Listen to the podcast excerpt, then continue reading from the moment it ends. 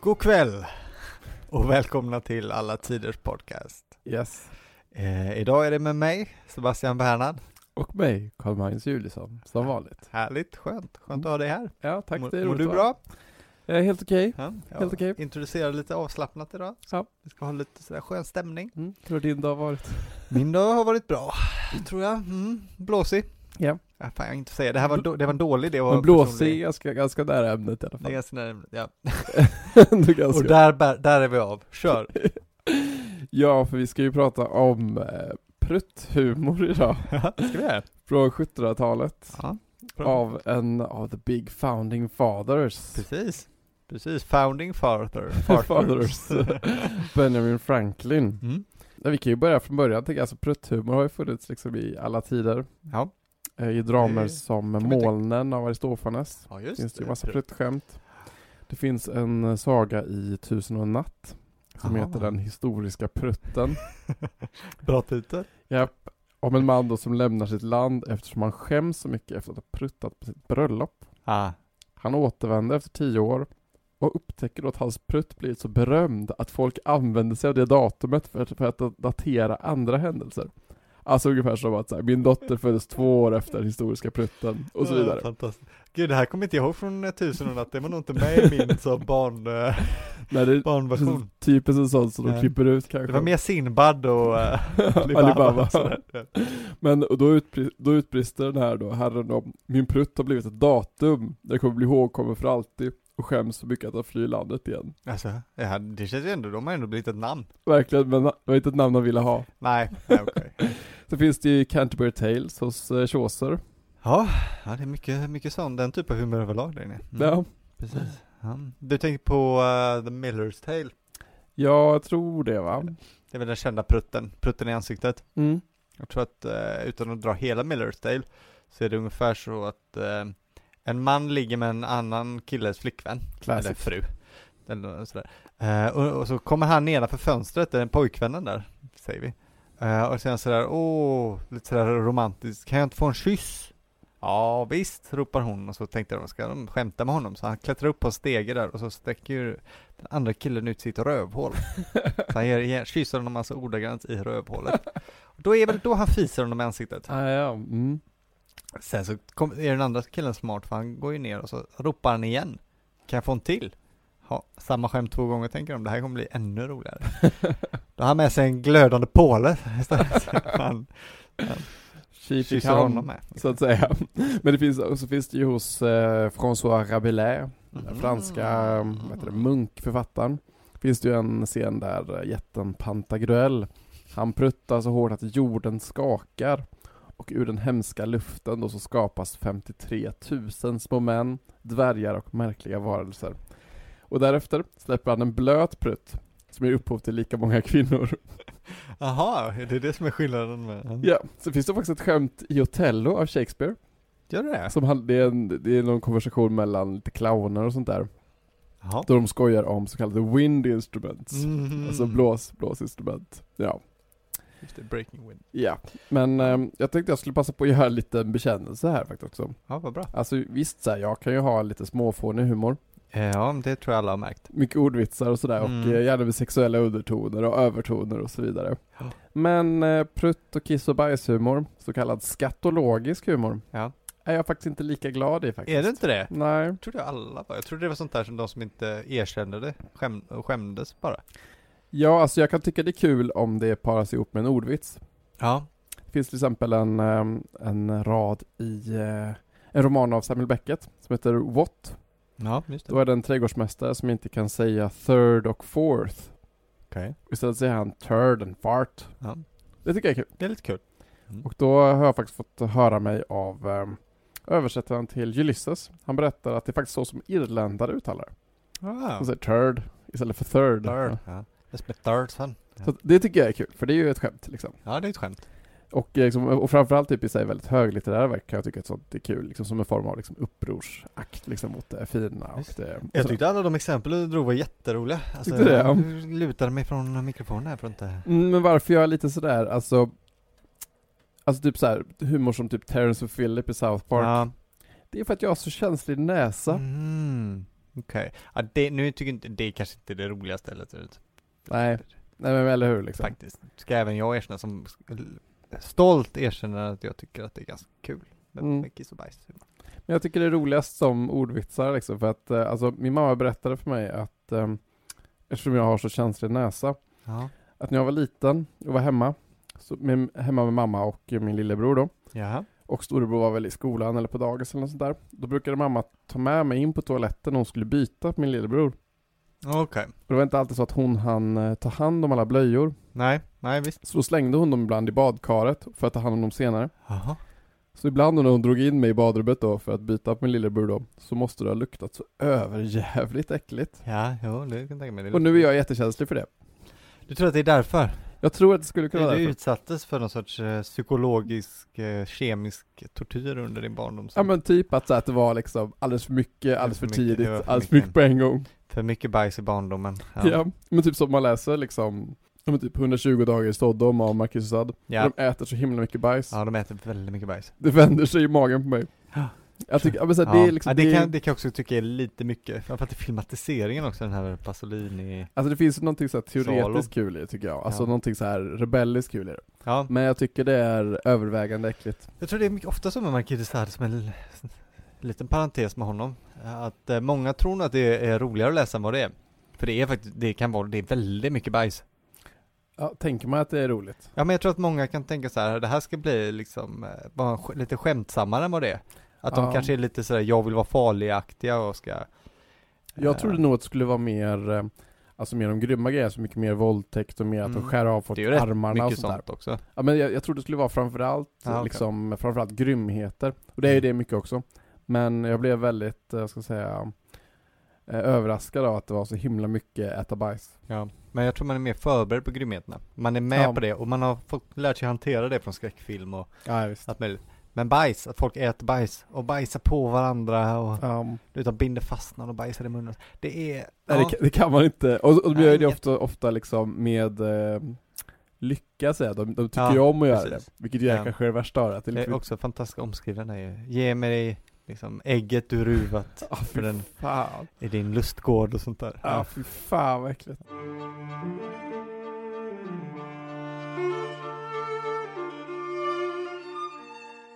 Så, så illa ska det inte vara nej, idag. säg inte det. Det ska, det ska bara vara prutt, Ja. Och det ska vara Benjamin Franklin. Perry Franklin, så det är på hög nivå. Mm. Men det är ändå en ganska intressant person att skriva någon form av prutthumor. det är det, jag tror det är inte så för många som förväntar sig det. Ändå han som är på en av amerikanska sedlarna. Ja, hundra va? Är det 100 dollar? Mm. Ja. Ändå ganska hög sedel då. Det, är- det är ganska hög sedel. Ja. Men Jag tror ehm, man får, han var aldrig president, jag tror man får hö- lä, lägre sedel är finare, för de används Ja. ju oftare. ja. Endollarn är ju vi- vanligast, så det är ju Ja, just det. Washington. Ja, just det. Och sen Jefferson på tvåan näst viktigast. Ja, just det. Men Franklin, ja, founding father i alla fall. Ja, som alltså skrivit ett väldigt roligt ehm, försvar då till Pruttan. gasen. Ja. Ja. Det är, vi kan säga vad det heter, det heter alltså Fart Proudly. Ja. är titeln till hans försvarstal för, för pruttar. kan Ja. säga, Och varför det är viktigt att prutta Mm. och sådär. Detta, detta vetenskapliga problem Ja, exakt. som vi ska gå in på. Ja, men först kanske vi vill ha lite bakgrund på Benjamin Franklin. Ja men det vill man väl ha?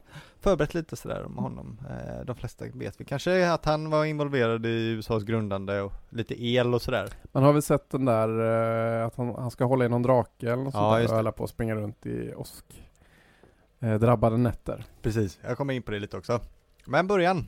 Eh, hans pappa var född i England. Ja. Eh, och åkte till USA. Som, som han gör. Men hans eh, mamma var, eh, var riktigt så att säga amerikansk aristokrati.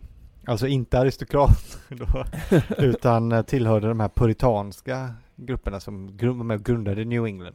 Okej. Hon var med alltså i första skeppslasterna liksom? Nej, men hennes familj var Alltså Okej. de- de var några av de här liksom familjerna som han bara hade lagt grunden för, för de tidiga kolonierna. Okej. Ehm, alltså, jag vet inte om de var med på The Mayflower, men i princip. Mm. De här puritaner och religiösa fritänkare och sådana, de flydde eh, religiösa förtrycket i Europa eh, för att skapa en ny värld i den nya världen, Ja, helt enkelt. bokstavligt talat. Precis. Det här som brukar kallas att man är liksom en riktig wasp. Ja, ja. Nu kan det ju sådär, eh, alltså en, det här är ett eh, uttryck som jag tycker ofta missförstås lite kanske. ja. Eh, Det är då alltså WASP, White Anglo-Saxon Protestant. Mm. Det är så de här idén om den amerikanska överklassen och de som är grundarna till USA. Ja, ja, ja. Det som eh, de ingen fattar i den svenska debatten om hårdrocksbandet. Nej, precis. För där tänker man ju att det står för någonting annat va? Det, det gör ju det Ja. också. Alltså det här är alla som kanske, det här vet väl alla att eh, på eh, 80-talet så fick man i Sverige nu som ett band som heter We Are Satan's People. Ja. WASP hette de. Och det blev ju debatt, eh, kä- en känd debatt. Mm. Och sen dess har man ju inte slutat prata om den här debatten. Den dyker Nej. upp varje gång, det, varje gång det är något så hånar man ju den här debatten. Ja, precis. Du, var- nu senast var det ju om gangsterrappen. Ja, precis. Och då säger man ju gärna, det här är ju precis samma som eh, och Sixten Öholm. Sivert Öholm. Ja, Sivert Öholm ja. Ja, precis. Sivert Öholm. Han, är, han är förfasas ju och så är det någon kille som ska försvara honom. Och liksom, det är inte det jag menar egentligen. Det jag menar är att ingen har sedan dess nämnt att det är en ordvits. Nej, det är väldigt eh, konstigt faktiskt. Alltså, We Are Satan's People är en ordvits på uttrycket WASP, White Anglo-Saxon Protestant. det är så självklart Ja. när man hör det. Precis, och där ändå så ska vi hålla på och prata om det här och ingen i svensk debatt någonsin nämnt. Men jag tycker även de som, som är på Sivert Öholm och menar att han är en tönt, även de har ju inte fattat skämtet. Nej, precis. De tycker bara så här, det är jättecoolt. det är klart man får heta vad man vill. Jo, men det är liksom ett skämt. Ja, ja, visst. Och det, det, ger, det är ett ganska fyndigt namn. Det är ett då. ganska fyndigt namn. Ja, Att de har liksom eh, snott deras akronym. ja precis. Det var en liten rant jag lyckades klämma in i eh, Benjamin Franklins ma- mammas bakgrund. där. Snyggt tycker jag. Mm. Mm. Bra eh, skohornat. Precis. Men han fick my- i alla fall, det kan- vi kan gå vidare, men han fick mycket med sig från den, den liksom miljön i alla fall, den här, eh, dels eh, religionen, han var ju liksom, eh, inte puritan, men eh, sådär, lite frikyrklig amerikansk eh, eh, av sig, hela sitt liv. Eh, men han var också den här, eh, den här, liksom, eh, den här klassen, den här am- amerikanska övre medelklass, mycket köpmanna-ideal och sånt där. Mm. Som sen, eh, man kan prata om att det har levt vidare till grunden för amerikansk identitet och sånt där Ja. liksom, ehm, hans morfar till exempel var aktiv och stod upp för eh, hantverkare och sådär mot landägande aristokrati. Aha. Och, så här, och det här kan också väl grunda lite för Benjamin Franklins frihetsideal. Okej. Vikten av liksom självständighet, eh, fritänkande och allt sånt där. Ligger Mm. nog i gr- blandning mellan den där religionen och Väldigt amerikanskt. på något sätt. Väldigt amerikan, precis. Men han föddes i, i Boston, Mm. på Milk Street, eh, 1709. Mhm. Eh, så, så där var det. Han hade 16 sys- syskon. Okej. Men när, när, när kom de första kolonierna i USA? då? 1709, Eh. för det är ju långt kvar till revolutionen. Det är långt bort till revolutionen, ja. De, eh, jag skulle säga, man brukar 1776 prata om är att det, va? Jamestown grundades för 1609. ah, okej. Ja, eh, men den är inte så framgångsrik, men någon gång från 40, eh, 30-40-talet, 60 1630-40-talet så kommer det väl igång på riktigt. Ah, okej. Så det är ändå, det tar ju liksom. Ja, för, för amerikanska revolutionen, det var 1776. va? Ja, precis. Det är då den börjar, börjar Mm. på riktigt. Men då är det Exakt. här alltså, det är 70 år innan. då. Det är 70 han var ju gammal när det hände. Det, Ah, ja. det var ju liksom, det var ju efter hans karriär egentligen. Mm. Eh, och hans familjen drev ett tryckeri och han var själv involverad i tryckeribranschen. Liksom, Mm. han, det var det han jobbade med egentligen från början. Det var så han började skriva, för att han tryckte saker. Ja. A Men- man of letters. Precis. Eh, Och bron, James Franklin, startade faktiskt eh, den första helt självständiga tidningen i de brittiska kolonierna. Jaha. The New England, England, eh, The New England Current hette den. Precis. Men den f- Ja, så det är coolt. Så där märker man ju att han var liksom, han ville gärna framhålla sig själv som helt egenskapad, eller Ja. egen, eh, ma- self-made man. Men det kanske han inte var riktigt om bron redan Nej. hade varit lite och tassat. Ja. Var det. Eh, det här, liksom, han byggde den här myten på sig själv på att han som 17-årig flydde från eh, sin familj till eh, Philadelphia, Mm. eh, när han var 17 alltså, och sen till London därifrån. Och l- åkte tillbaka ganska snabbt och sådär. Han kommer ju, skulle ju spendera sig här livet fram och tillbaka mellan London och, och Philadelphia. Ja, ja, och även Frankrike tar de. Ja, ja där var han ju också länge sedan, för han Mm. också, också som ambassadör. ja, just det. Ehm, just det, han, redan som tonåring så, så skrev han ju i, i de här tidningen, den här New England eh, Current. Current, tack. Eh, och då under ett pseudonym som en Mrs Dogood, Okej. som, som då eh, var karaktären av en medelålders änka. Men det Jaha. här visste inte hans bror eller någon, de trodde att det Va? var någon annan, visste inte att det var han som skrev den här pseudonymen. Alltså, det, jag tycker det är så spännande överlag det här med eh, alltså, pressen förr i tiden. Vi kommer ju komma in lite på det tänker jag när vi pratar om Fart Proudly. Mm. Men just det här också att, eh, att det fanns liksom en kultur av att man kunde skriva under pseudonym. Ja. Jag läste en eh, biografi om eh, George Bernard Shaw. Och då är vi ändå runt sekelskiftet 1800-1900. Ja. Att han skrev ja, men, i samma tidning under flera olika pseudonymer och han var kritiker under en pseudonym. Han Ja. var högerdebattör under en pseudonym och vänsterdebattör under en annan. Så Ja, han vad liksom, roligt. han liksom skötte hela Alltså alla ledarsidor och bakom olika, liksom. det fanns ju inga byline-bilder. Nej, just det. Bara det låter så himla konstigt liksom, tänk att jag skulle kunna vara både vänster och högerdebattör i samma tidning liksom. Smart sätt att fylla tidningen då. Ja men verkligen, det känns så, alltså, det måste ha varit ont om, eh, om folk som ville skriva Ja. på ett vis. De kanske inte bet- betalar ut löner till, till alla Nej, heller. ja, det är sant, det är sant. Men också, också liksom att eh, idag så är ju tidningar också mycket på personer. Ja, så är det i och för sig. Det är sant. Att eh, då liksom ha en tidning full med namn som där hälften är påhittade. det blir ju en väldigt konstig Ja, det, är tidning. konstigt. Ehm, det är svårt tyckte jag när man skulle förbereda liksom ha- hans liv, för han har gjort så sjukt mycket saker Benjamin Franklin. Okej. Och så himla mycket kufiga, konstiga grejer och jätteviktiga. Så att jag kunde liksom inte, så jag har gjort en lista här med saker jag tyckte var de roligaste nästan. Ja. Eller bara så här. Mm. Saker som väck, väckte, höjde mina ögonbryn för att verkligen, alltså läs en av de uppsjön jättetjocka biografier eller någonting, för det går inte, jag kan inte, jag kan inte dra allt. Det är en Nej. hel, hel poddserie. Ja, häftigt, det är så härligt med Ja. de här 70-talsmänniskorna som gjorde allting. Ja, verkligen. Ja, man var ju både uppfinnare och författare och allt möjligt. Men några detaljer. Eh, ganska tidigt startade han Amerikas första tyskspråkiga tidning. Jaha, Det är Philadelphische Zeitung. pratar han tyska? Ja, tydligen. Jag vet inte. Jag vet inte om han skrev själv i den. Nej. Han gjorde det. Han var också ungefär samtidigt involverad i att försöka eh, se till att det inte blev så mycket tyska emigranter till Philadelphia. Jaha. Eller Pennsylvania. Han skulle senare ångra det här, men då var han sådär, tyckte han att tyskarna började förändra kulturen för mycket i området. Mhm. Från den då engelska. Ja, ja. Samtidigt som han drev Men Tyst han tidning. drev det här spåret i tidningen. Den eh, fick lägga ner ganska snabbt. Så. Den jobbade mot eh, tidningsintressen. Ja, exakt. Men det gjorde han i alla fall. Mm. Eh, alltså, Han har också uppfunnit en del ordspråk som jag tyckte var roligt. Fram, Mm. Till exempel det här som heter mina favoritordspråk på engelska och som används hela tiden. Both fish and guests stink after three days. Har du hört det innan? Nej, both fish and guest. Guests, gäster alltså. Jaha, Stink after three days. Efter, efter tre dagar, vad betyder det då? alltså att eh, man ska inte ha dem så länge. Ja, ah, gäster ska inte, man ska inte, Man ska inte stanna mer än tre dagar. tre dagar, är ganska lång tid. Tre dagar är ganska lång tid, efter det så vill ingen ha gäst eller? Nej. Det säger ganska mycket om hur, hur länge de hade gäster till skillnad från idag. De Ja, bjud- bjuder någon på Ja, men det middag och tänkte jag- stannar i tre någon- dagar. Någon åker hem till dig, han har säkert åkt vagn i tre dagar för att komma dit. Ja, en vecka från. Ska han åka hem då klockan sex? Ja. och så nu, nu har vi ätit, ätit efterrätt och det kanske är dags att börja. Ja. Och det tyckte jag var roligt, för det jag älskar det uttrycket faktiskt. Ja, det är så kul. himla bra att tänka på Mm. om man är på någon sommar eller sådär, tre, inte mer än tre dagar. Nej, det är sant. Eh, fakt- Det här var- tyckte jag var- han var smart. Han var den första som eh, menade att man inte blir förkyld av kyla. Utan att det, han, han hypotetiserade då, för det, bakterien var ju inte upptäckt än, men att det Men- var något i luften som gjorde Okej. det. Snarare att det kanske var liksom dålig luft på något sätt. Eh, och det här fick eh, bland annat konsekvensen av ett bråk med John Adams, Okej, det är väl en annan founding father? va? Eh, en annan Mm. founding father, precis, eh, som också var eh, USAs tredje president, va, tror jag. Okej. Eh, Därför att de eh, under kriget skulle medla med någon person och, och eh, åkte därför iväg tillsammans, men då fick de eh, dela rum. Eh, Och då ville John Adams stänga fönstret för han tyckte det var skitkallt. Och Benjamin Franklin vägrade. Och så- Och han bara, men jag blir sjuk. Bara, Ja. Nej, du blir inte Eh, sjuk. Precis exakt så. John Adams menade, jag kommer ju bli förkyld. Mm. Nej, säger Benjamin Franklin, har du inte läst min teori om förkylningar?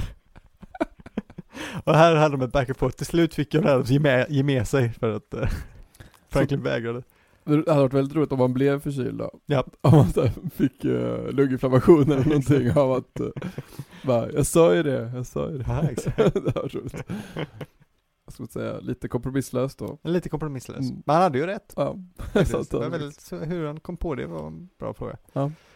Jag, jag är fortfarande lite tveksam till det. Jag tycker man blir väl alltid förkyld när det var Jag kallt. tycker det är fortfarande någonting man, man säger, typ att man säger ja men jag är inte med någon, jag är inte med med någon Nej, halsduk så nu kommer jag säkert bli förkyld Ja, liksom, när det precis. blåser så mycket. Det Tänk säger man på- fortfarande. Tänk om Frank, Benjamin Franklin sitter och skrattar åt det. Ja. Ja, nu. Ah. Dumhuvud. Eh, Exakt. Han upptäckte och benämnde Golfströmmen Jaha. ja, genom att eh, han, han hade undrade hur kommer det sig att en båt som ska till New York eh, tar mycket längre tid än en båt som ska till Rhode Island från England. De är, ju- de är, de är mycket närmare varandra än att det borde ta sån stor skillnad. Och då märkte han måste vara något, så han började intervjua sjömän och, och fiskare och sånt där, med var de åkte och var de märkte olika problem i havet och sådär. Jaha. Så märkte han att det går en eh, stor ström hela vägen. Jaha. Mm. Vad, vad spännande. Ja, det var spännande. Också att man bara så här, man ser en grej som man inte får ihop Nej, och då går man och kollar på det. jag, tror att det, jag tror det är ungefär så han kom fram till ungefär allt han gjorde. Men han, han, är, han ser problem överallt som, Ja, och exakt. bara funderar på varför är det så här för? Ja, precis. Lite nyfiken, lite ADHD. Ehm, Ja, det är nog ungefär den. Ja, Lite kufig lag. Han, eh, han eh, listar också ut hur man kan förutspå befolkningsökning och räkna på det. Okej. Vilket vad jag förstod av det jag läste är, har varit superviktigt. Jaha. Därför att det var mer eller mindre det som förstörde, liksom som bredde vägen för den fria marknaden. Jaha. Hans poäng med det här var ju då att, att även om eh, USA nu, eller då eh, Amerika, för det här var innan självständigheten, har en mycket mindre befolkning än vad England har, så kommer de någon dag att ha en mycket, mycket större Okej. på grund av tillgång till resurser och, och mark. Och så här, man frågade folk då, men har det något med varandra att göra? Varför skulle man bli fler bara för att man är mer plats? Man får ju barn, eller sådär. Men Mhm. menar han, jo men det har det. Jaha. Och han hade ju uppenbarligen rätt. Ja, nu har ju USA ganska många... Ja, Han menar ju det då som ett argument för att kanske amer- amerikanerna borde få rättigheter i det, inom det engelska systemet då att okej, Mhm. om ni ska se det här långsiktigt så kanske ni inte ska tycka att ni är så himla mycket bättre. Snart är vi mycket fler. Ah, Ja, Exakt. Okej. Eh, men det här ledde också till, eh, alltså Adam Smith menar att det här var en av de saker som ledde till hans kritik av det brittiska systemet för merkantilism som sen ledde till då grunden för hela den globala fria marknaden. Oj, oj, oj. Så sånt eh, kan hända. Shit. Att, till och med där har han med ett finger. Ja. Här är den bästa. Han uppfann för och emot-listan. Alltså pros and cons. Japp. Va? Eh, han har i alla fall det första belagda exempel i ett brev till en vän. Va? Ja. Ah shit, det är ju en... eh, Det, Det är ändå stort. är någonting som verkligen eh, finns med överallt. Ja, Va? visst. Himla smart. Vad kul. Han hade ett ganska invecklat system. Han hade först då pros and cons och sen hade han olika poäng på hur många pros var värda en con och sådär. Jaha, Men, okej. ja. Fan, vad spännande, vad kul. Och det är ju verkligen en bra uppfinning. Ja, ja verkligen. Mm. Det har vi honom att tacka för. Eh, I alla fall, mest känt är ju elektriciteten. Ja. Eh, Han uppfann ju inte elektriciteten då såklart, för det Nej. fanns ju. Men vad uppfann han då? Alltså han, eh, bland annat uppfann ett tidigt batteri och att man kunde, hur man liksom lagrade elektricitet. Också han kom på uh, skillnaden på positiv och negativ eh, laddning Aha, ja. och benämnde dem också som sådan. Innan det så hade man en massa olika hypoteser om det där. Okej. Eh, men det här, också det här experimentet då med nyckeln och draken. Mm. Alltså dels bevisade att blixtar är elektricitet, Ja, ja, ja. för det var man inte heller säker på. Men sen också hur man leder ström, Okej. det var ju det. Och det har ju blivit världens grej. Och vilka metaller som gör det och så. Precis, alltså det här ledde till eh, det, så att säga, the, the lightning rod som det heter, alltså hur man leder eh, blixtar från huset till exempel, Ja, så att ja. husen inte brinner ner om det blixtrar. Och sen i längden bara hur, man, hur vi får el i En våra hem. Åskledare heter det va? Ja, Mm. precis, just det. Tack. Ja, men hur vi får el i våra Ja, hus. just det. För, som, för, för det var de här teorierna sen som eh, typ Edison och Tesla och alla byggde vidare på. Ja, va? precis. Ja, hans batteri blev grunden för sen Voltas batteri Mm. Mm. till exempel. Och det är ju ändå, det får man ändå säga är, Bra gjort. det, det är big deal. Verkligen. El, det är svårt att tänka saker utan el. Eh, han experimenterade med det här genom också att döda och tillaga kalkoner med hjälp av ström. Okej. Det var så han skulle visa på liksom vad man kan göra Så med han det här. uppfann elgrillen också. Exakt. Han menar faktiskt att kalkoner tillagade med el blev mycket mörare än vad han liksom trodde, någon trodde var möjligt innan. Jaha. Jag vet inte, jag har aldrig ätit en liksom eld tillagad kalkon så jag kunde inte avgöra skillnaden. Nej, det har man väl knappast gjort. Eh, Men någon som har det kan ju kanske verifiera eller dementera hans Ja. teori om att, eller om det bara var för att propaganda för ström liksom. ja. Bra propaganda för ström. Ja, precis. Såklart också för sådana karaktärer hade han ju en strulig familjesituation. Mm. Mm. Ili- Han hade ju en, illegiti- en minst en illegitim son. Ja, Ah, okej. Som det var mycket strul, men de var inte- kom inte överens alltså. Alltså, Så mycket Mm. att sonen sen valde britternas sida under eh, självständighetskriget. jaså? Ja. Oj fan. Det är ju, det är ju, kan ju vittna om en hel del. Ah, shit, Då vad- gillar man inte sin farsa sen. Ja, precis. Han flyttade till London sen, han vägrade bo i USA. Oj, vet man varför det var, blev så eller? Nej, men det, alltså Franklin stod ju också lite på håret, han var inte säker hur han skulle välja heller från början faktiskt. Mhm. Ja, men sonen var sådär, de var, han tyckte ju att de var ju engelsmän. Det är en sak att få rättigheter, men det här är ju Mm. förräderi. Ah, ja, ja. Men det var ju många som, alltså det var ju inte så att alla i Amerika var revolutionärer. Nej, Utan det var ju ett inbördeskrig till viss del ju inom de amerikanska kolonierna. ah, okej. Det, så är det ju. Mm. Det är en stor grej, för alltså de är ju britter Mm. innan självständighetsförklaringen. Ja, visst. Eh.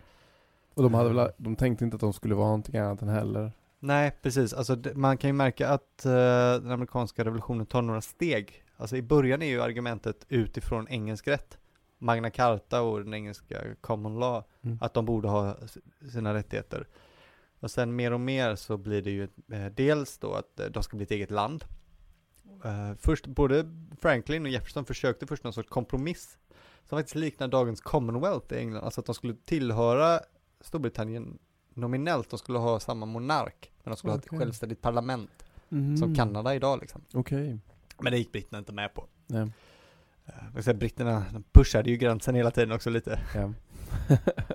Ehm, och det här kan man också märka i självständighetsförklaringen kanske, att den blir ju mer universell. Den, den försöker ju tala till alla människor Okej. egentligen, om du kommer ihåg. Där var han- var han med och jobbade på eh, den. Mm. Eh, Jefferson skrev ju den, men så var det en femmannakommitté som satt och reviderade liksom. Ah, ja. Och för, enligt Jefferson själv, man vet inte vad, så ska Franklin ha varit väldigt viktig för att liksom, få till formuleringarna riktigt snyggt. Mm. Och den är ju väldigt, den är ju väldigt snidig. Ah, ja, visst. Och det, eh, jag tänkte på det, för det är ju det sådär, alltså man hör man ju de fu- kända öppningsraderna, tycker jag. Och där kan man se den här Snyder-stilen och hur, det blir, hur universellt det blivit. Jag, jag tog med den för jag tycker den är så himla Mm. fin faktiskt. Ehm, det är inte exakta öppningen, men det är det som liksom brukar allmänt vara öppningen. Ta några rader ner men. eh, We hold these truths to be self-evident, that all men are created equal, that they are endowed by their creator with a certain unalienable rights, that among these are life, liberty and the pursuit of happiness. Ah, det, det är kända ord det där ja. Det är kända Mm. ord precis, och de är liksom Pursuit of sådär, happiness. de är väldigt retoriska. De skulle, enligt eh, vad jag läste var de mycket, mycket fler ord från början och du vet, det var fler adjektiv och sådär. Men det skulle verkligen vara sådär, pam, pam, pam, Mm. här är det det, Ja. Rakt på sak. rakt på sak. Mm. Men den talar också om all men are created equal. Ja. Alltså argumentet är inte längre eh, engelsk We- rätt nej. sätt, säger, utan nu är det människan har vissa fri rättigheter liksom. Mm. Ja, Det, är, det, är, ma- det är maffigt. Det är maffiga grejer. Eh, och sen, sen dog Benjamin Franklin 1790. Okej. Som, eh, och han, det här är också intressant, han var ju eh, sörjd i Frankrike extremt mycket.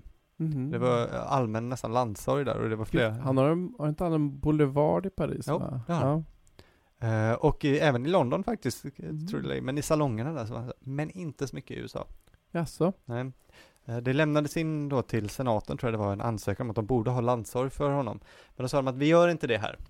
Varför då? då? Nej, men det, skulle, lik- det ansågs vara, det var ett nytt land och en osäker republik, man ville liksom inte lyfta fram en enskild individ på det sättet. Nej, okej. Jag läste att eh, han, det var kanske hans tid i Frankrike framförallt, så kallades han den farligaste mannen i Amerika. Alltså, Alltså mycket för hans, eh, vad ska man säga, hans lite kritiska stil och sånt där. Ja. För han kunde ju vara lite, eh, ja, men lite kritisk, lite raljant och sånt där som vi kommer kunna se sen i den här Fart Proudly. Att han, han är lite, eh, om han hade levt idag hade han varit ett Twitter-troll Ja, nästan. jo men verkligen. Han, han la ju mycket också, han tyckte väldigt illa om, ehm, han både älskade och tyckte illa om aristokratin. på Mm. något sätt. Alltså han älskade ju Frankrike och Paris och salongerna och det vack, hur vackert det var och alla var så charmanta och trevliga. Men han tyckte också väldigt illa om snobberiet Ja. och framförallt, det märker vi också lite i Fort Pride, så här, den här eh, nonsensheten som kan finnas liksom i eh, den här Mm. världen som inte är baserad på verklighet. Han kommer ju liksom från den här Tomma gester och ritualer och... Precis. Eh, Och han var ju själv inte från en fin bakgrund ju. Nej, nej, nej. Men det här fick han ju problem med ibland. Till exempel eh, i, eh, i Frankrike, alltså kungen när han kom till hovet i Versailles första gången så blev han mottagen av kungen.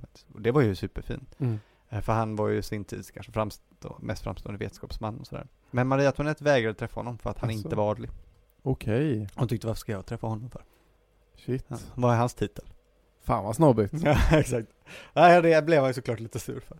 Ja, hon Och tappar även, huvudet. eh, även eh, britterna sen fick han ju höra där när han vägrade gå, ha, gå med på att fördöma ehm, de, det amerikanska upproret innan han också fick åka över. Han var ju inte i USA när det började. Nej, nej, nej. Eh, fick, fick åka över. Eh, då fick han också höra det. Förlorade alla sina positioner. Fick höra liksom att ska du med din liksom, den jävla tryckarson från liksom utkanten i USA komma här och säga och tycka. Oj, okej. Ja. Shit. Så kunde det vara, hette det. Mm. Eh, Hårda tider.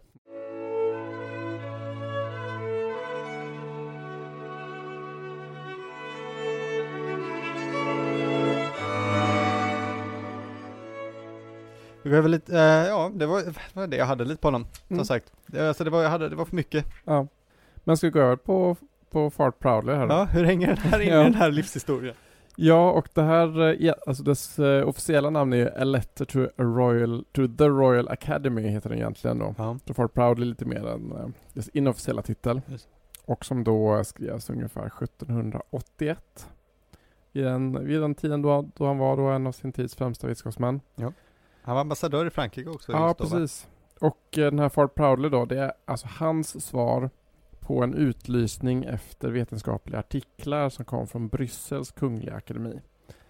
Men han skickade aldrig iväg sitt svar utan han tryckte upp den istället och gav till alla sina vänner då. Ja. Bland annat till då Joseph Priestley. Just som ju var en berömd kemist vid den tiden som var känd just för sitt arbete om gas. Samma person som han skickade för och emot-listan faktiskt. Jaha, jaså, Ja. okej. Vad kul. Eh, Men det här brevet då. Alltså det inleds, inleds då med alltså citat från, eh, från den här utlysningen då från Just Bryssels det. akademi. Som då har en tävling som består i att konstruera en given figur Ja. i vilken man sedan ska placera så många som möjligt av en annan given figur. Japp. Någon form av matematisk fråga då, som verkar ha ersatt den fråga i filosofi som annars brukade utlysas av den här akademin. Precis. Och- Där sa vi, jag tror det var det. man skulle fylla en figur med en annan figur. Ja, med så många som möjligt av en annan Just det. figur.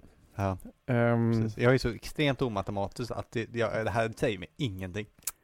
nej, alltså jag får, jag, får, jag får lite, det låter lite som en, ett så här matematiskt pussel typ. Ja. men, men vad Ja, fan. det är lite som så här, si, sista sidan i någon tidning. nu, ja sånt precis, där. men vad fan vet jag Nej, liksom. nej, det kanske är typ. skitviktigt. ja men kanske liksom. Men Benjamin Franklin tycker ju inte att Nej, det är det Nej, så jag tycker viktigt. inte det är eh, så viktigt. Jag tycker det är nå- nonsens bara. Ja, så han, han uttrycker ju s- liksom en stor då sarkastisk glädje för att den här eh, akademin då, de menar att denna upptäckt kommer att vidga kunskapens gränser och inte kommer att vara utan användningsområden. Nej, just det. Utility. Och det tycker han då är extremt roligt att det här grejen skulle ha så många användningsområden. Så han driver med dem och tycker att det här inte alls är en idé med några särskilda liksom, eh, funktioner. Och Franklin tycker att vetenskapen ska förbättra människors liv och inte vara den här typen av matematiska lekar. Liksom. Nej, exakt. Nej. Nu är väldigt praktiskt lagd. Handfast. Mm. Ja, så också väldigt, det är väldigt typiskt eh, upplysning överlag att man vill, man vill förbättra människors liv och förbättra världen och Ja. eh, göra saker som är nyttiga. Jag tänker sig det, jag tänker ofta på det att eh, det här kan ju kännas ibland, hur pratar jag helt plötsligt? Det här kan ju kännas lite konstigt ibland, tänk sådär, eftersom vi lever i en så högteknologisk värld. Men eh, på 1700-talet så hände det ju saker, alltså ofta var ju att en vetenskap upptäckt faktiskt hade direkt påverkan. Ja, visst. Alltså man gjorde ju för stora framgångar, så där så kanske inte tänker på så mycket då, i plogar liksom. Ja, ja. Nya metall, nya sätt att få fram saker som kunde gjorde att man kunde liksom odla upp hur mycket mer som helst. Ja. Och djuruppfödning och sådär. Medicin. Prec- Precis, vaccinet kom Ja. ju här. Det är en sor- sorglig historia för jag skulle ta att Benjamin Franklin eh, var lite tveksam till det ny, sena vac- nya vaccinet som kom. Jaha. Att han vägrade vaccinera sin första son, som Alltså. sen dog i det han de hade vac- skulle vaccinera honom emot. Ah, nej. Och då svor han att aldrig mer vara emot vaccin. Ah, okej. Ah, det var ju väldigt sorgligt. Mm. Ja, det var sorgligt faktiskt. Men det är ju Ja. en sån, det är ju en bra exempel på en eh, upptäckt som ju får sådär riktiga Ja. pangkonsekvenser. För det är ju verkligen vetenskapens eh, århundrade här kan man väl säga. Jo. Liksom. Eller den moderna vetenskapens födelse. Eh, och i det här förordet då till den här texten så står det att ehm, förordet till den här utgåvan då som, som vi har läst. Då står det liksom att det är tveksamt om Franklin såg sig själv som skandalös eller kontroversiell utan där står det liksom att han snarare hade en stor kärlek för livet. Men att han gillade att röra till det. Och att han gillade att utmana sina läsare och skriva, han skrev gärna blufftexter och satirer Aha, och sånt där. Att, kul. liksom att det här, den här texten är med ändå i en form av liksom korpus av lite busigt hållna liksom, eh, liksom eh, texter. Ja. Och eh, om vi pratade lite om pressen innan, liksom att den fria pressen på den här tiden var ju lite råare än vad den är idag. Jo. Alltså skrev man, om, skrev man om brännande frågor och saker som eh, förolämpar ens näsa så var det inte konstigt att använda ord som prutt. Nej. Ett ord man kanske inte skulle se i en debatttext idag. Nej, sorgligt, sorgligt nog Ja. har eh, debatt, lite, eh, journalistiken sänkt sig. Idag är det viktigt med god ton, och Ja, exakt. artighet och tre- trevlighet såna här saker. Aj, aj, aj. Ja, men i alla fall, som motförslag då tycker Benjamin Fra- Franklin att Bryssels akademi ska istället ha en annan fråga som han tycker har mycket större användningsområde. Mm. Det är en fantastisk fråga. Och det är då att that in digesting our common food there is created or produced in the bowels of the human creatures great quantity of winds. Alltså när vi då förbränner vår mat så skapas eller produceras det i magen på mänskliga varelser en stor kvantitet av vind. Ja, just det. Och denna luft tenderar ju att lukta illa Mm. och störa en sällskap. Så är det, det är tråkigt. För att undvika det så måste man hålla den, denna vind inne. Ja.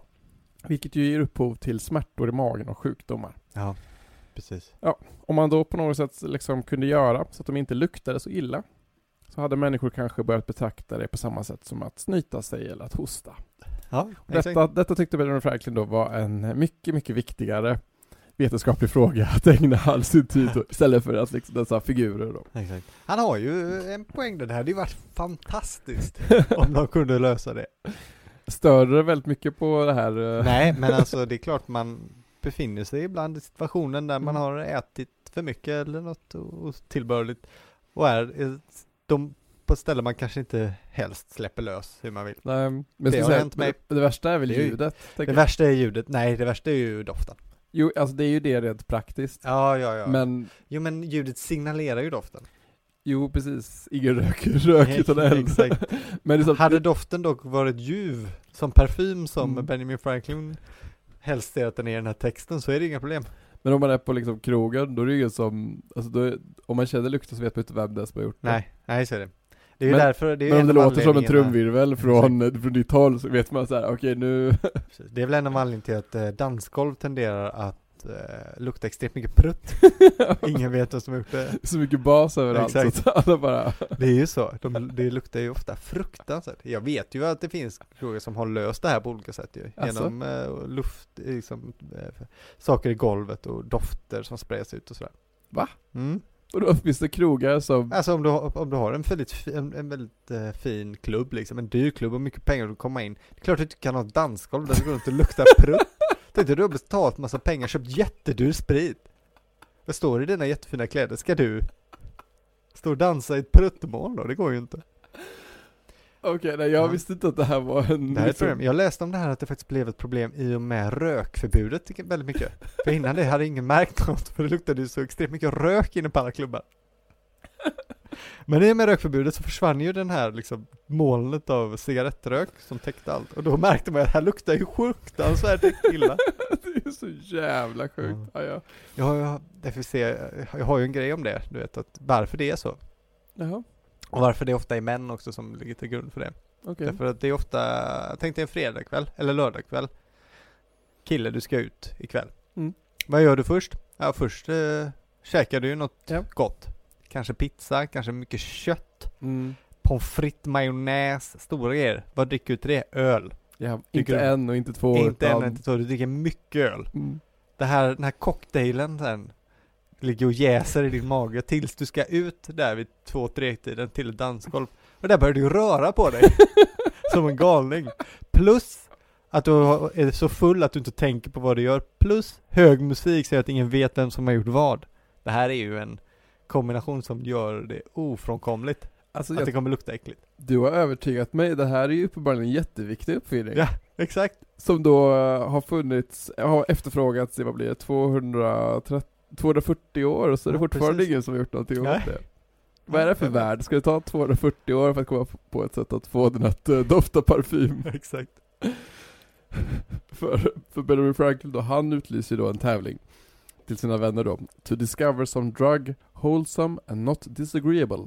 To be mixed with our common food or sauces that shall render the natural discharges of wind from our bodies, not only inoffensive but agreeable as perfumes. Exakt. Alltså upptäcka någon form av medicin som inte är obehaglig, som man kan blanda med vår mat eller sås, Eller sås. som gör att naturliga utlopp, vind från våra kroppar inte blir stötande utan behaglig som parfym. Nej. Ett problem som är tydligt om man äter mycket kött med mycket lök eller sparris. Ja just det. Ja, Säger så han är det. ju. Ja, det Det- det- är sant också. Ja, det, är, då, det blir extra illa. Ja. Och, ehm, och han börjar då driva lite med denna nya experimentella vetenskap och denna matematiska vetenskap. Finns det, skriver han, 20 män i Europa idag som känner sig gladare eller lättare till mods tack vare den kunskap de fått från Aristoteles. Nej precis. Och vad kan Descartes göra för någon som har ont i magen för all gas? Eller Newton? Precis.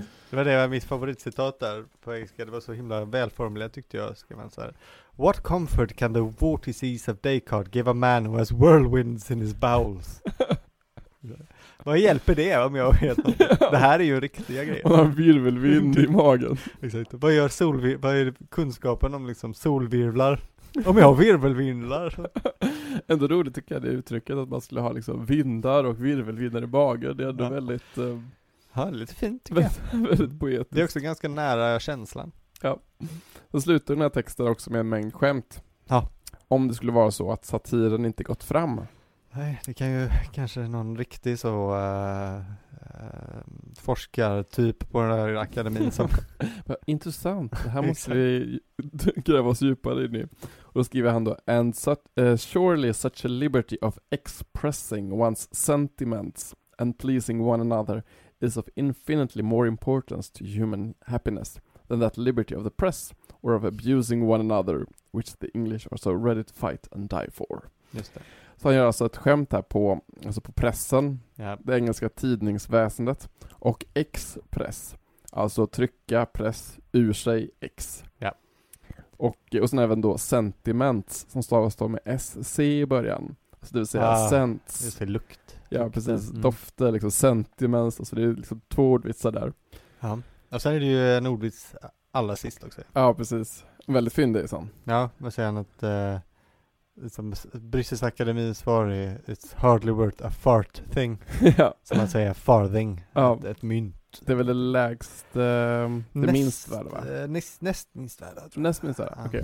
Men ändå väldigt fint att båda är en farthing och en fart thing. Ja, Alltså det känns ju nästan som att hela texten är bara ett sätt att få med den ordvitsen. Ja, jag faktiskt, det känns också lite så. Han har också skrivit den i liksom eh, i eh, versaler. ja exakt, exakt. Alltså han, man, det är verkligen, han, är- han gör ju verkligen allt han kan för att ingen ska missförstå den ordvitsen. Nej. Eftersom det är fart står med versaler så att säga. Men han kanske har läst sin Ars Punica, men eh, han har tur. Vem vet? Ja, Vem Inte vet? omöjligt.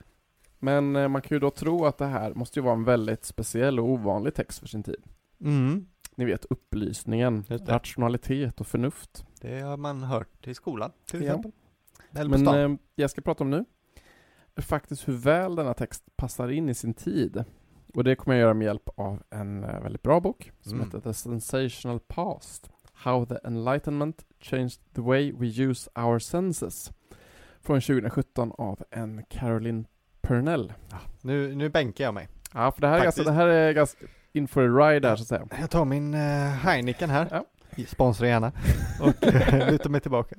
För, eh, för visst var ju upplysningen en tid av rationalitet och experimentell vetenskap och förnuft, så är det ju. Mhm. Men det var också en tid som var väldigt intresserad av känslor, och passion och våra sinnen. Ja. Voltaire skriver ju någonstans att, eh, han skriver om våra sinnen då, att ostron har två sinnen tycker han. Och vi har ju fem.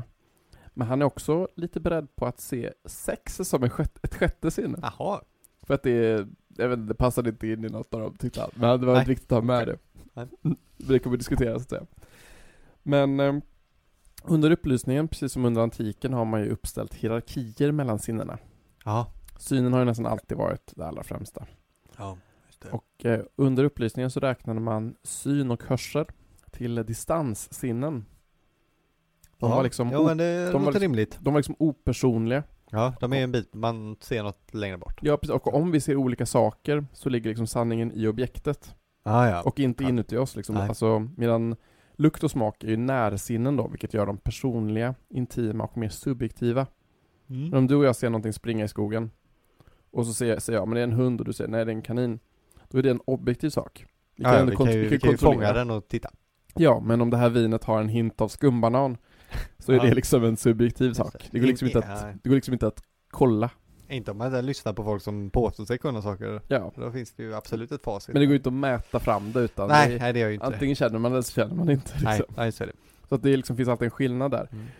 Och därför menade många då att den här, att lukten innehåller liksom en form av inre sanning.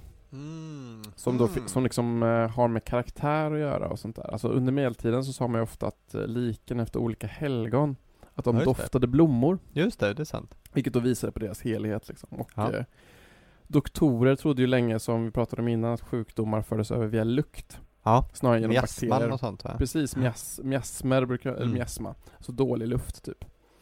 Och därför trodde man att man kunde liksom trycka undan sjukdom och sjuka lukter genom att bära starka dofter.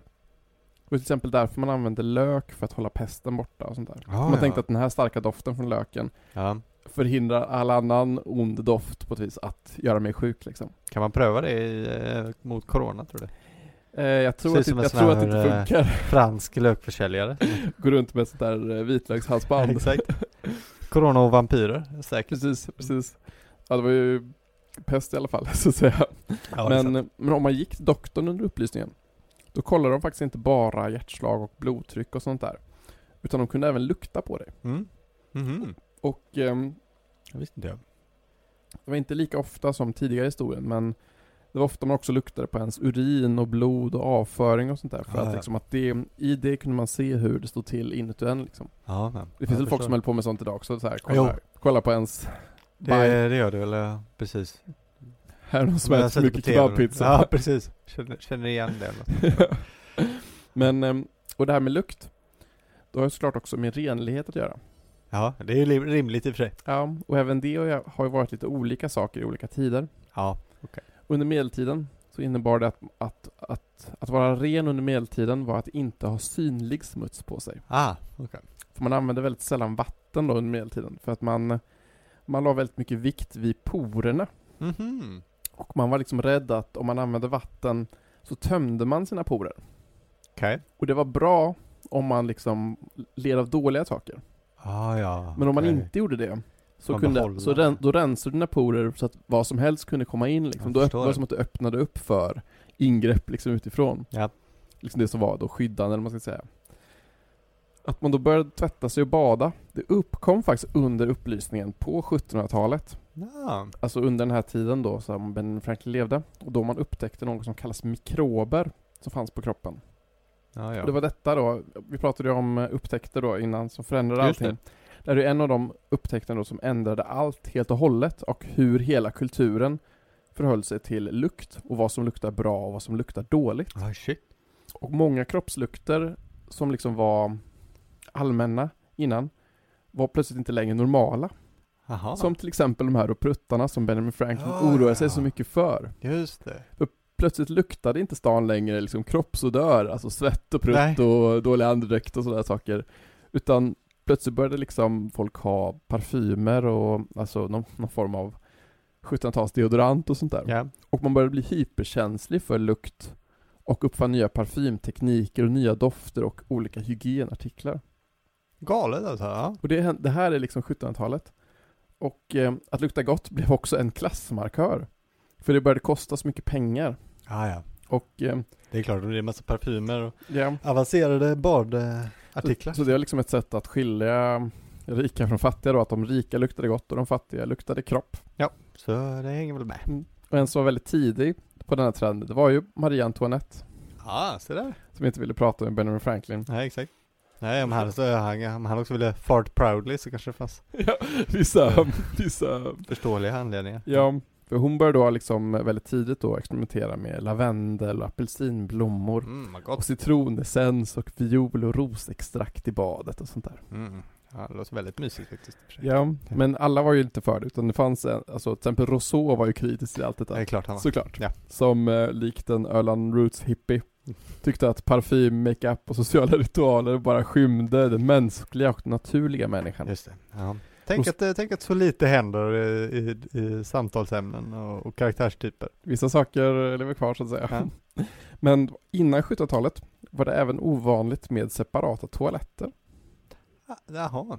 Innan dess så, eh, ja men då sket man mer på rad så att säga. Ja. ja, jo i och för sig. eh, Då kommer jag bara på de romerska toaletterna, men de var ju alla offentliga och på rad. Verkligen. Liksom, eh, och då som klart att man inte var så himla noga med, eh, med doft liksom. Mm. Nej, nej. Och eh, någonting som då, eh, men det skulle bli allt mer vanligt under 1700-talet med just att separata badrum liksom. Okej. Det fanns en arkitekt på den tiden som hette Jacques François Blondel. Mm. Han menade att eh, moderna bad behöver flera rum. Ja. Ett för att värma vattnet, Mhm. ett för att värma linnehanddukarna, Ja. ett för olika badkar med olika temperatur på vattnet. Ja. Ett rum för en tupplur efter badet. Härligt. A post-bath nap. Och ett där tjänarna kunde sitta och vänta. Och ett för toalett och handfat. Ja, det gäller om man har, det gäller att ha rymliga. Här blir den där klassmarkören Ja, ganska tydlig så att säga. Att du ska ha ett, Verkligen. själva badavdelningen ska vara som en hel lägenhet. Precis, skönt att ta en liten snus sen också. Ja, verkligen. Ett, ett eget rum för en Det är post-bath nap. En av de som tidigt ska ha gjort ett visst anslag för privat toalett var Ludvig den XIV. Okej. För det han bestämde att man skulle dra för ett draperi framför hans business chair. Ja. Även om han då fortsatte ta emot Ah. besökare och Ja. arbeta medan han satt och sket så att säga. Ja. Så att det var ju fortfarande lång tid kvar men det var ju första ansats. Det var liksom, första att, så här, ansats. han De var ville i alla fall inte- inte bli sedd Nej, exakt. när han gjorde det. Alltså på, det här visar ju på ett vis att, ehm, att den här frågan om just att dölja doften är ju väldigt i sin tid på något vis. Det är väldigt typiskt liksom för så att man förstår precis att det här är ett problem som har nyss uppkommit. Ja. Att eh, innan dess så va- var det okej kanske att saker luktade som det gjorde liksom. Just det. Att ehm, under de eh, medeltida eller så här Gustav Vasas måltider kanske inte var så noga om Nej, just det. Då kanske man kunde sitta och rapa och hålla på. Ja, folk kanske luktade svett ganska Ja. mycket eftersom de inte använde vatten och sådär liksom. Nej, det är ju rimligt i och för sig. Men plötsligt så blev det ett problem det här att eh, folk vill inte känna Nej. sparrisen Nej, liksom, exakt. eller löken. Och ändå, ändå har den moderna vetenskapen fortfarande inte löst det här problemet. Nej, det är för helt oss. sjukt. Nej. Jag har faktiskt eh, sparat den sjukaste detaljen till sist Ja, vad är det? från den här tiden. Shit. Och det har med faktiskt med uppkomsten av någon form av aromaterapi, doftljus och att bränna aromatiska växter att göra. Ja, det är mysigt. För på den här tiden kom man på att man kunde använda aromatisk behandling vid drunkning. Särskilt då tobak. Det finns då en legend att en kvinna ska ha dragits upp ur vattnet 1746 och som man trodde var död. Och det var då en smart sjöman satt då till hennes man att ta hans pipa, stoppa den i hennes rumpa och blåsa hårt. Och detta sägs vara uppkomsten till användning av tobak som aromatisk behandling vid drunkning. Det Ja. alltså var en vanlig behandling. ja. Men man gick ganska snabbt ifrån det här med att använda en pipa. Den första modellen var en lång tub eller ett rör som man körde upp i rumpan och som man blåste tobaken igenom. ja. Men då kom man ganska snart på det här att det kan ju gå rätt illa om man istället för att blåsa råkar andas in. Ja. ja, just det. Därför använde man istället för blåsbälgar som då delades ut längs med Themsen. Alltså att man delade ut sådana här typer av blåsbälgar längs med Themsen ifall det Ja. skulle ske liksom olika drunkningsolyckor. Det var liksom som de, sin tid sådana bojar och eh, Ja, exakt. trugansar. Och eh, att man faktiskt blåste in då i, inte in i lungorna. Nej, det som man var det tänk- jag undrade över. Ja. Utan man blåste in i rumpan. Det var för att man inte rikt, riktigt visste varför man drunknade. Alltså man trodde att det hade att göra med att man fick vatten i magen. ja. Då tänkte man att då kan man lika gärna blåsa in i rumpan och hoppas att vattnet kom upp igen genom munnen. Men, men ja, det känns ju fortfarande rimligare att blåsa in i munnen. Men då, då, då tänker man att det ska liksom, att det ska fortsätta Ja, i den ja, ja, riktning liksom. just Så här, om det, du just kör det det, just det. bakifrån så kommer det komma upp liksom i kommer den, i den kommer riktning som du det komma blåser. Jag skulle väldigt gärna vilja veta för framgång, liksom hur ofta det funkar. Var det bara att folk fick något i rumpan och vaknade till och, och de inte Jag- var riktigt döda? Eller? Jag har ingen aning. Det känns som att de inte, Chocken av... eh, Det känns som att de inte, att de inte visste om att det är tarmar däremellan. De måste ha tänkt att, liksom, att rumpan var ingången till magen typ. Han, du, de dissekerade ju folk på den här tiden. men, Ja, Ja, jag vet. det är underligt. Men det, Ja, det, ja, kul. det roliga är alltså även, eftersom detta var ju en jättedum idé, Ja, jo. så har ju det gett upphov till uttrycket 'blowing smoke up one's ass' Ah. Vilket ju betyder att prata en massa skit och hitta på. Shit. Ja. Så det kommer från, det här, det kommer från den här företeelsen. Nu är cirkeln Mm. sluten.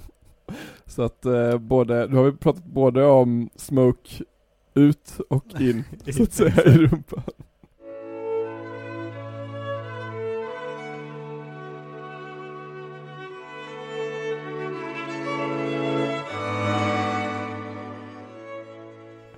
Men du har hört talas om det här innan? Blowing smoke up your ass? Nej men det här... eh, Ja, jo, jag har hört Mm. talas om det. Ja, det har jag gjort. Mm, jag har sett bilder, sådana här eh, målningar från den tiden på Mm. läkare. Med den här tratten och sånt där. Ser Ja, ja. väldigt avancerat ut. Väldigt eh, bra idé. Verkligen. Ja, det är väldigt kul. Kul saker folk hittat på. Vissa, Mm. Men, eh, saker, ja. vissa saker höll sig in idag och vissa saker övergavs ganska snabbt. Så är det, men det är kul att de försöker i alla fall tycker jag. Man ska inte eh, hata på någon som eh, försöker göra något gott här i världen. Nej precis, och om man inte försöker så vet man ju heller inte. eh, Så är det. Man gör ju inga upptäckare om man är feg. Nej, precis. Ja, man Ja. blåste in rök i öronen på folk som inte hörde ordentligt och sådär också. Jaha, Ja, okej. tänkte väl också att det skulle göra något. Mm. Det känns ju så bra när man drar ner dem i, i lungorna tänkte de kanske så att eh, Det här är säkert gött. säkert, säkert bra lite överallt. Att... det var väl så man Ja. tänkte liksom. Har du något mer du vill lägga till? Ehm, nej. nej, vad ska jag säga om Benjamin Franklin?